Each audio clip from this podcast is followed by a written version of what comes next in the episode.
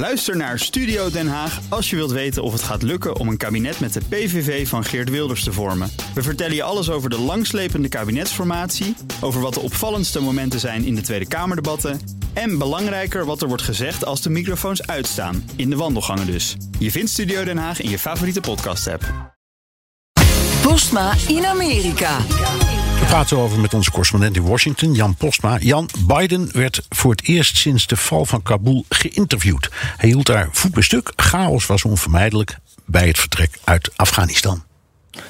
Ja, en dat is aan de ene kant heel consequent, want dat zegt hij al sinds die chaos ontstond. Maar het is ook inconsequent, want uh, zes weken geleden zei hij nog dat we geen helikopters gingen zien, die mensen in allerijl moesten evacueren en dat de Taliban de boel echt niet snel over zou nemen.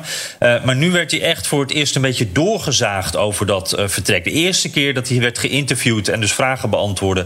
En hij houdt inderdaad voet bij stuk, chaos hoort erbij en dat was ook ingecalculeerd, zegt hij. But the idea that somehow there's a way to have gotten out without chaos ensuing. I don't know how that happens. I don't know how that happened. So for you, that was always priced into the decision? Yes.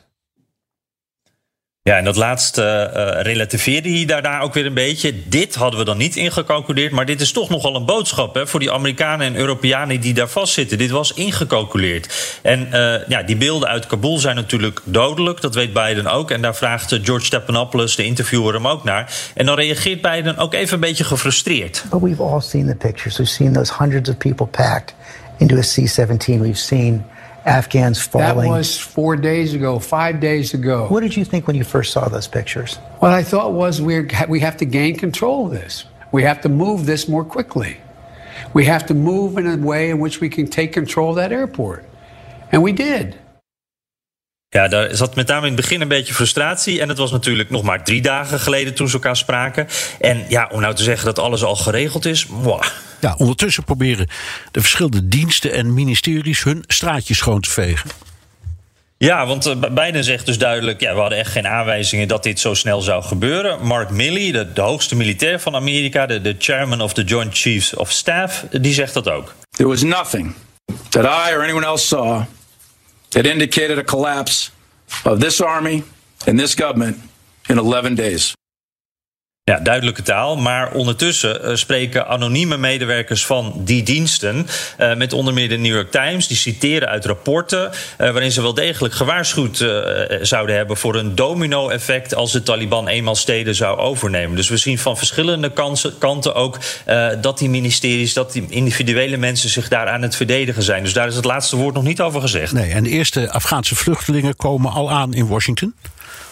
Ja, uh, Bernard. En je ziet twee reacties op, op die, die vluchtelingen. Want dat zijn het. De, een deel van de Amerikanen, uh, republikeinen, van, van de rechter Trump-vleugel, zeg ik maar even, die zien dit echt niet zitten. Die zijn bang voor terreur, stellen zich nationalistisch op via social media. Maar daar wilde ik het nu eens niet over hebben. Want hier in Washington zie ik ook verschillende andere dingen gebeuren. Initiatieven om die Afghanen te helpen. Echt enorme betrokkenheid bij veteranen. En die ik vorige week sprak, die heeft een GoFundMe opgestart om die mensen te helpen. Lokale restaurants die geld inzamelen, goede doelen. Daar komt echt wat los.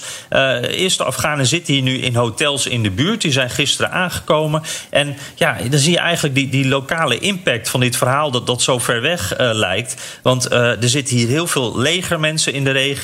Hier zitten veel Afghanen in Noord-Virginia.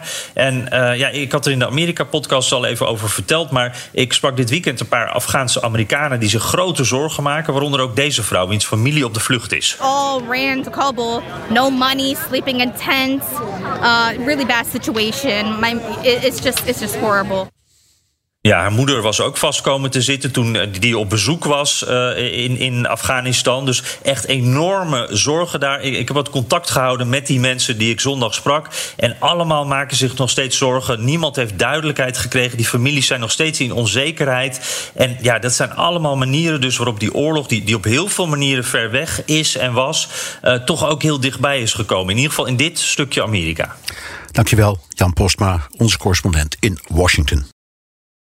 Ook Thomas van Zeil vind je in de BNR-app. Je kunt live naar mij luisteren in Zaken doen. De BNR-app met breaking news, het laatste zakelijke nieuws... en je vindt er alle BNR-podcasts, bijvoorbeeld Het Nieuwe Geld. Download nu de gratis BNR-app en blijf scherp.